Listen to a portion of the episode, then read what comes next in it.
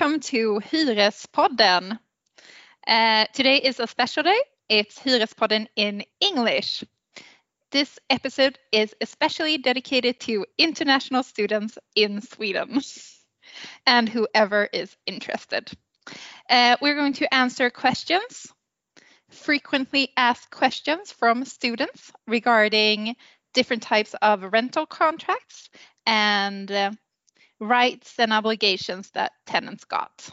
Um, Christian, Yeah, are you there? I'm here. I'm here. Let's say hello to Lily Auginski. She's the president of the Student Union Malmö. Hello. Exactly. Hello, Christian. Uh, nice Hello. to meet you. Thank you for the invite. Yeah, no problem.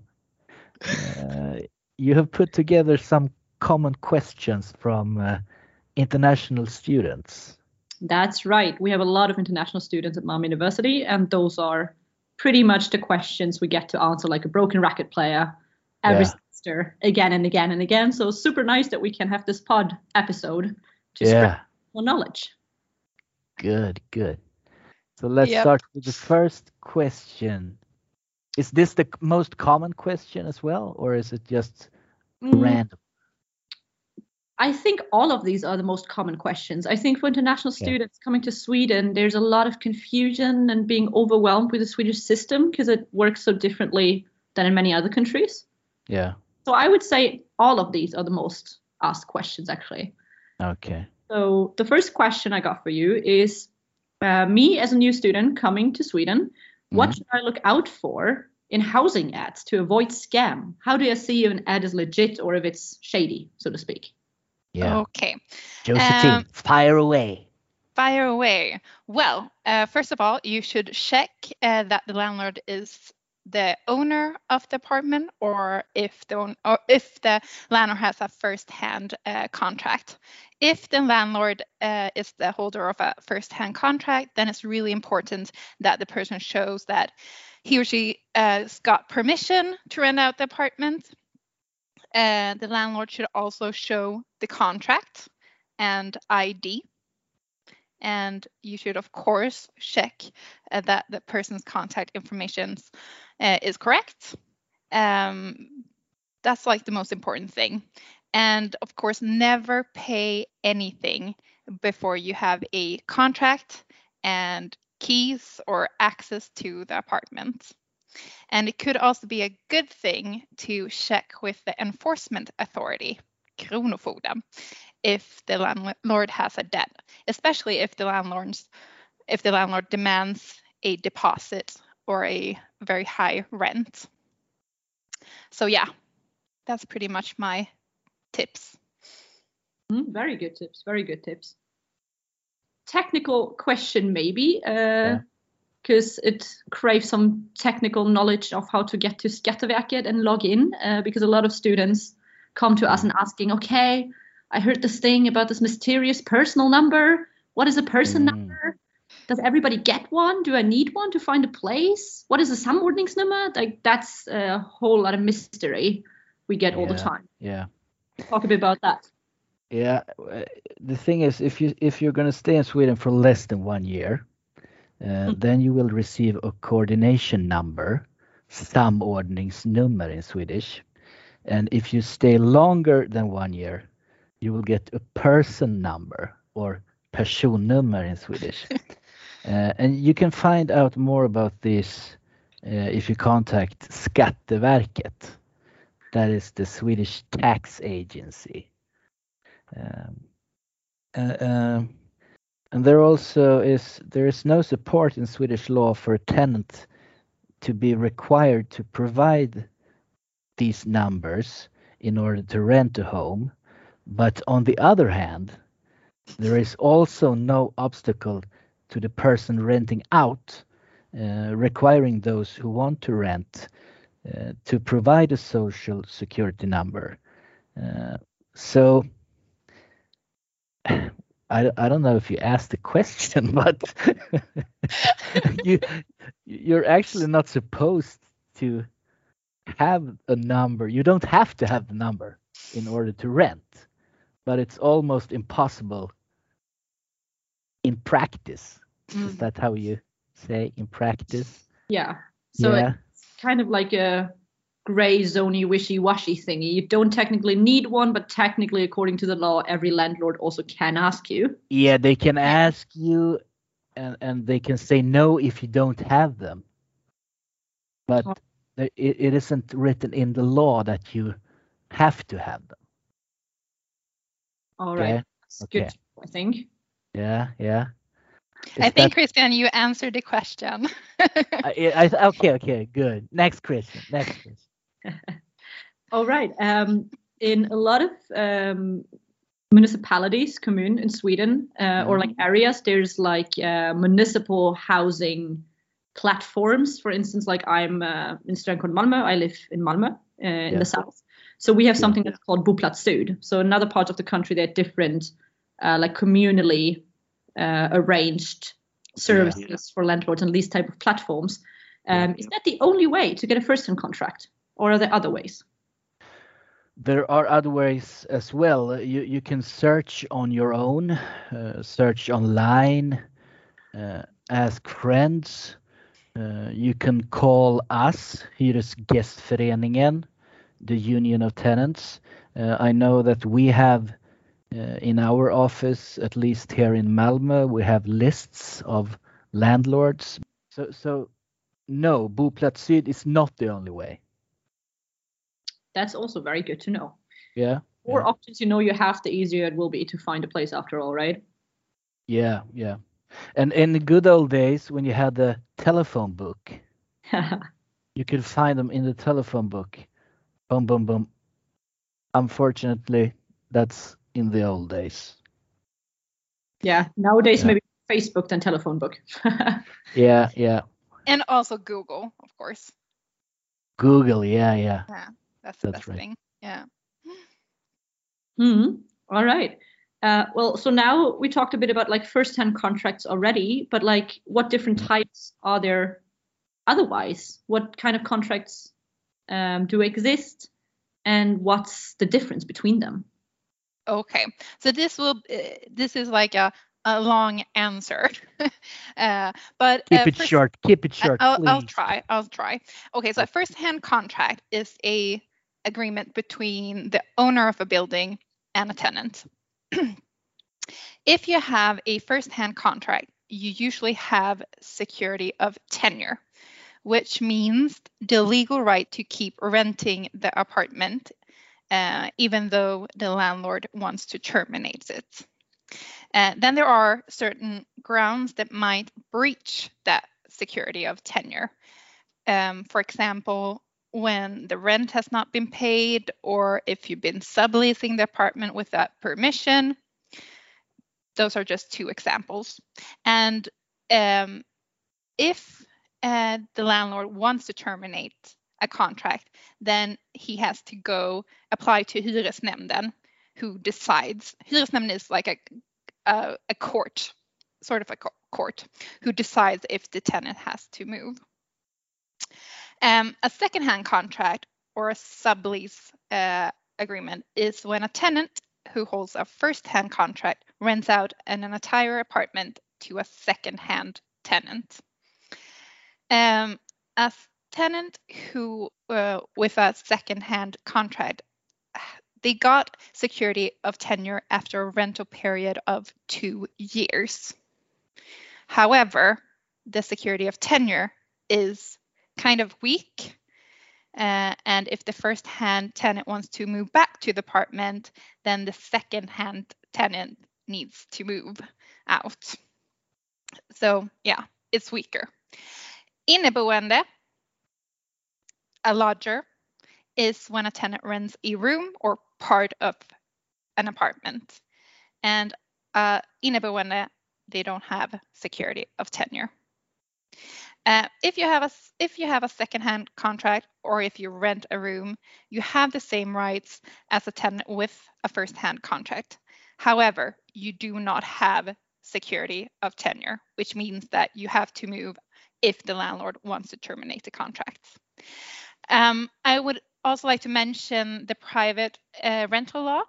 Uh, which is applicable if you rent, for instance, a house or a co op apartment, and the landlord is a private owner. When the rental goes under the private rental law, the tenant receives no security of tenancy. So those are like the four different kinds of contracts or rental situations. Um, so yeah, was that short enough? That was very cool to consist, as you say in Swedish. Very uh, short, precise, and I think that's very good to have an understanding for for an international student coming to sign a contract to understand what kind of agreement yeah. taking, what kind of rights do I get? Exactly. So you, you talked a bit about like um, reasons for losing the tenure, like not paying rent. Mm. What are my other obligations as a tenant? I think everybody knows you have to pay rent, but like what other obligations do I have? Okay, well, this the most important obligation is to pay rent and pay rent on time as well. Um, a tenant also has an obligation to take care of the apartment, for instance, cleaning the apartment, but also to inform if there is anything broken. Um, and you should do that, you know, in writing if something is broken. Um, and of course, the tenant should not disturb one's neighbors. And that's also a reason if if you disturb your, your uh, neighbors, that could breach um, the security of tenure. Those are the most um, important uh, obligations. Um, there are some more, but these are the most important ones. Good to keep in mind. So, okay, so that are my obligations as a tenant. Um, but what about the landlord's obligations? What can I do if I feel my landlord has violated my rights as a tenant, for instance? Well, if you if you start feeling suspicious that your landlord might have violated your rights, uh, you should be very careful to document everything the landlord does. Mm. Uh, keep emails, letters, etc. Uh, take pictures. Uh, you can even record uh, telephone calls and so on to to have proof if mm. well if if the worst happens in the end. Uh, and also contact Hyresgästföreningen ASAP to get our help. Uh, and we can give you advice on how to react. So yeah, that's very good to know. Like I actually um yeah. living in a collective that has uh, used your uh, services, so to speak, a little yeah. bit um yeah anecdotal yeah, I know you had uh, the case with the the witch in the closet. Exactly, the witch in the closet is uh, what we used to call uh, one of my landladies uh, once upon a time. Uh, yeah. In different places in Sweden already, and that is like uh, a few years ago. But I was renting um, kind of a second-hand, unclear kind of contract, which turned out the person was not allowed to rent out, and then also had like an enormous amount of rent mm. um, which was as we later learned because like it wasn't obvious to me because i felt like oh sweden is expensive you know maybe that's about right yeah. Uh, and then my my roommate at the time found out that this is actually not okay and yeah. we are used to this fanning uh, you guys to help us and to mm. to and we won so just That's fantastic to hear an anecdotal um, story reach out yeah. to and they're yeah. really helping you fight those battles against all the witches in the closets. Really good, really good. and do it as soon as possible.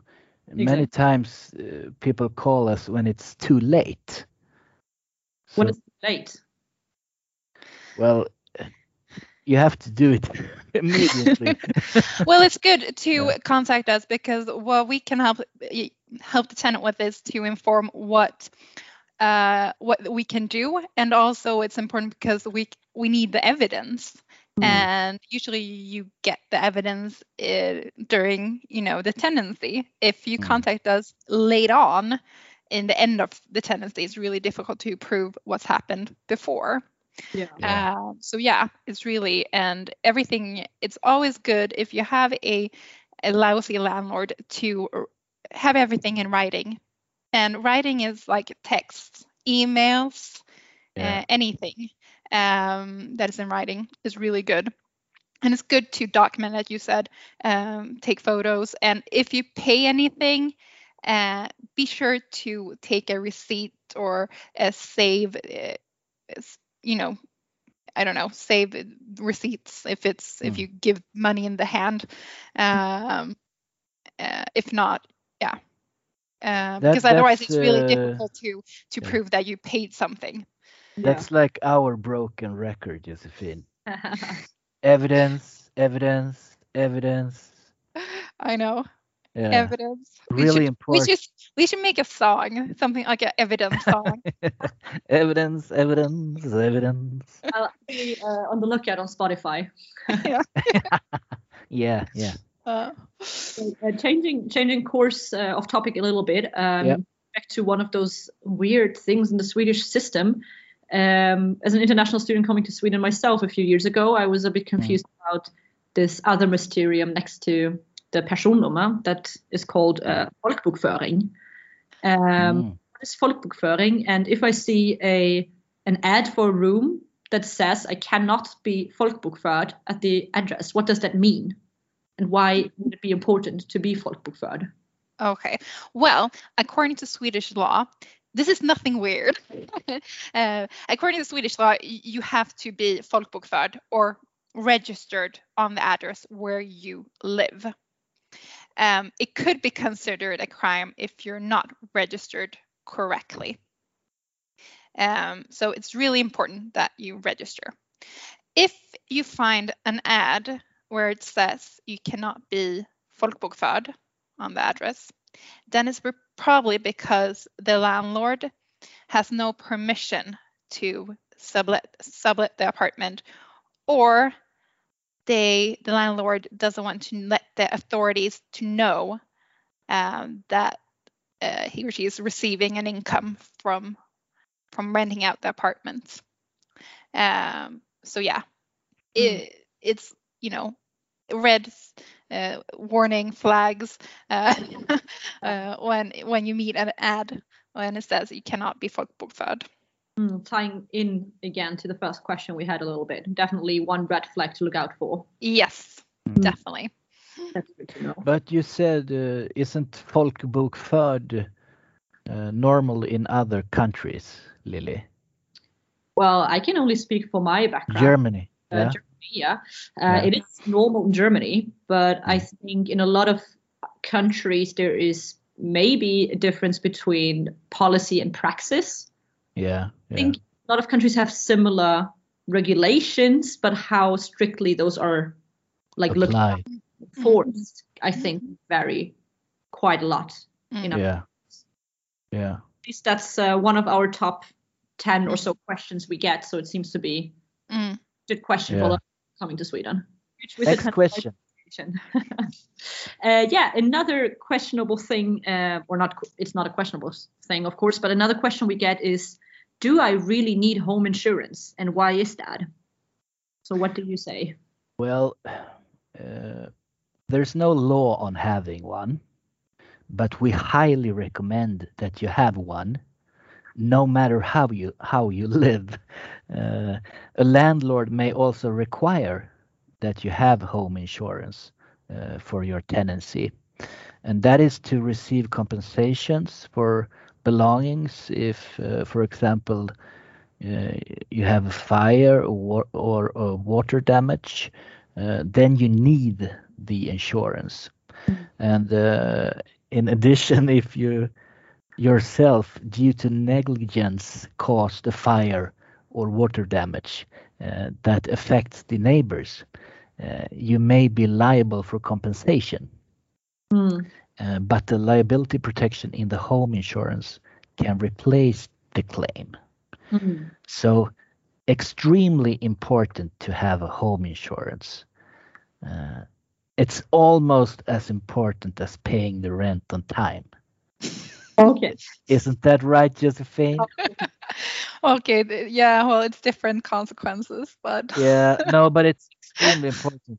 it is because I mean, it, the damage could be really expensive. Uh, and Devastating. uh, yeah like you could if it's a fire it could probably be up to like a half a million crowners it, it could be that expensive yeah, And that's a lot than a whole lifetime of CSN probably. yeah yeah yeah, yeah. So better be safe than sorry for all your yeah listeners. and i'm guessing like an Yeah. insurance what what's the cost usually like 300 crowners a year something like Oof. that Not a, not a year, maybe a month or Yeah, it is. It is a monthly thing, but a lot of different providers uh, of insurances, or sometimes banks, Yeah. also have um, have home insurance in their deals. Uh, there are a lot of student offers. So Yeah. If yeah, you listening who realizes, oh dang, I don't have a home insurance, maybe get googling right after listening to this episode. Get your home insurance, and there are student um, offers, student deals out there. yeah. that's really good to know I think many people, not only students, think that home insurance is somehow included in the rent or something. That you you don't think that you have to pay extra for that. I don't Mm. know why, but yeah that's wrong that's wrong. Yeah. Another question we got, um, which is particularly from a lot of international students living quite far away, Mhm. Uh, they usually wonder how do showings work in Sweden? Is it mandatory to have one before moving in? Because a lot of people they can't, you know, come from let's say Australia all the way around the Yeah. world just to look at an apartment. So how does that work? Well, showings can differ a lot in how they're set up. Uh, they are not mandatory, uh, but we strongly recommend you to see the apartment before you sign a contract if you have the possibility. Uh, and that goes uh, uh, along a Swedish saying uh, that goes like köp inte grisen i säcken Yeah. meaning don't buy the pig uninspected. And I know, Lily, that you have a similar expression in Germany, Yeah, exactly. uh, saying what's what's the saying in German? uh, die Katze im Sack kaufen. So for us, it's uh, the Yeah. cat, not the pig. Different Yeah. preferences of domestic animals, I guess. Yeah, yeah, yeah. We love the pigs up here. No, but don't. You, you should always, if you have the possibility, go go see the apartment before you write anything.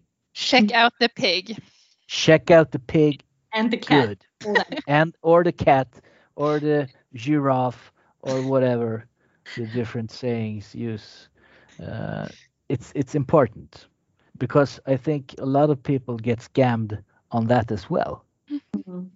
And also maybe keep in mind digitalization is a thing, especially now when we're still in the pandemic. Um, a lot of uh, people that I know that looked for like new flatmates in their collective or something, they Hmm. did that uh, via Zoom or, or Skype or something, right? There's different ways to be able to see an apartment. yeah yeah So that could be better than nothing, maybe. yeah yeah definitely especially in the pandemic i've seen a lot of showings digital showings when they've taken you know pictures and also video on Mm. the apartments so that's a Mm. good thing so Yes, crazy i feel so old talking to you guys uh, but well maybe that's a good thing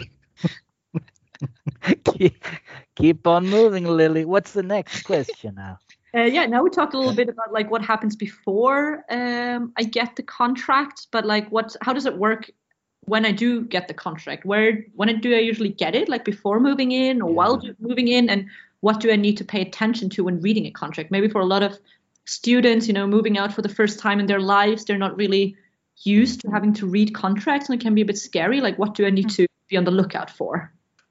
yeah well uh, you uh, usually sign a contract before you move in uh, well you should do that at least and check and it's really important to pay attention to everything in the contract uh, because it's important that everything that's is stated in the contract is correct um, so if you get a contract read it uh, if you don't understand, contact us if you're a member. Contact the tenant union. Uh, we can help you reading the contract and see if there's some anything that's wrong or uh, not correct. So yeah, that's the simple answer. Bottom line, everything is important. Yes. yeah, you know, students they learn after some years like to be really good at skim reading course literature. Yeah. Not the case. Mm. Don't skim read. Just read all of it very carefully. Yes. Yeah. Yeah. All right. And what happens if my landlord tells me we do not need to sign a contract at all? Is that legit? It is legit. Uh, oral agreements are legal, but it's always difficult to prove what's been decided. And according to Swedish law, a tenant has uh, the right to a written contract if they want one. Uh, so if you don't get a writing a contract in writing, contact us as well, and we can help you. All right, good to know. We it's can do the writing. We can do the writing for you. Definitely a right you can enforce as a tenant. So that's good. yes. Know. Yep. Um, and then maybe another questions that another question that we get quite often that kind of ties back into my little anecdote with the witch in the closet. Yeah. Um, rent seems very expensive in Sweden. What is an appropriate amount of rent? Yeah, well, well, when it comes to renting in first hand, uh, the first hand rent is almost always uh, negotiated collectively between us, Hyresgästföreningen, uh, and all the different landlords. So when you're renting first-hand contract, the rent is what we call skälig mm. or fair, maybe is the word in English. Uh, and then when it comes to renting in second hand, uh, you shall never pay more than the first hand tenant is paying, the negotiated rent, plus maybe 10 to 15 percent maximum if you rent it uh, with furniture, uh, kitchenware, etc. Yeah, but it has to be fully furnished. Uh, yeah, yeah, to take out 10 to 15 percent, and usually it's usually it's just 10 percent for full, fully furnished uh, apartments. Um, yeah. But but uh, uh, what do you say? ground rule is never more than the first hand contract. Exactly. Okay, that's a good rule of thumb, I think. Yeah, yeah. Absolutely. Um, yeah. All right. I wish I would have known that when I came to Sweden. how much more? How much more? Just uh, curious to know how much more did you pay? I mean, hundred percent, two hundred percent. Well, I'm I'm a cultural scientist by background. Yeah. I have really difficulties with math, but yeah, I yeah. entire place was around eight thousand five hundred crowns, and we were three people living in there. Mm. I think altogether we paid seventeen thousand. Oh, oh my uh, god! Yeah. Three of us, so. That's yeah. like hundred percent more. Much more percent that is, but it's a lot. Yeah, and the thing is, like a secondhand uh, um, tenant can claim back a rent uh, if if the first-hand uh, tenant is overcharging. Mm-hmm. Um, and so contact us if you're a member, if and if you're getting overcharged. Yeah. The record goes around and round. Contact us. Yeah. And evidence. and evidence. evidence and contact. That's yeah. the mantra of the the motto of the episode, maybe. Yeah, yeah, yeah. Um, so we were talking a little bit about different type of contracts before, and maybe mm-hmm. some people might see this category of like student housing. Um, what happens when I'm a student and I fail my exam? Will I be kicked out right away, or what happens? Okay. Well, when you rent a student apartment, there is usually a study requirement. You must pursue active studies. Um, the study requirement is stated in the uh, rental conditions, and they may differ depending on the landlord. Um, but most landlords who rent out student apartments also give um, tenants some exemptions from the study requirement, as for instance, if you miss a major exam or take leave from studies because of military service or parental leave. Uh, but check the conditions uh, because, yeah, it could differ as well. Um, but when you have, uh, if you rent a, a student apartment, you often not always, but you often have uh, security of tenure. However, it's weaker.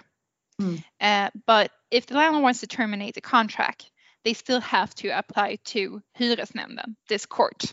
Mm. And it's Hyresnämnden who decides if the tenant must move.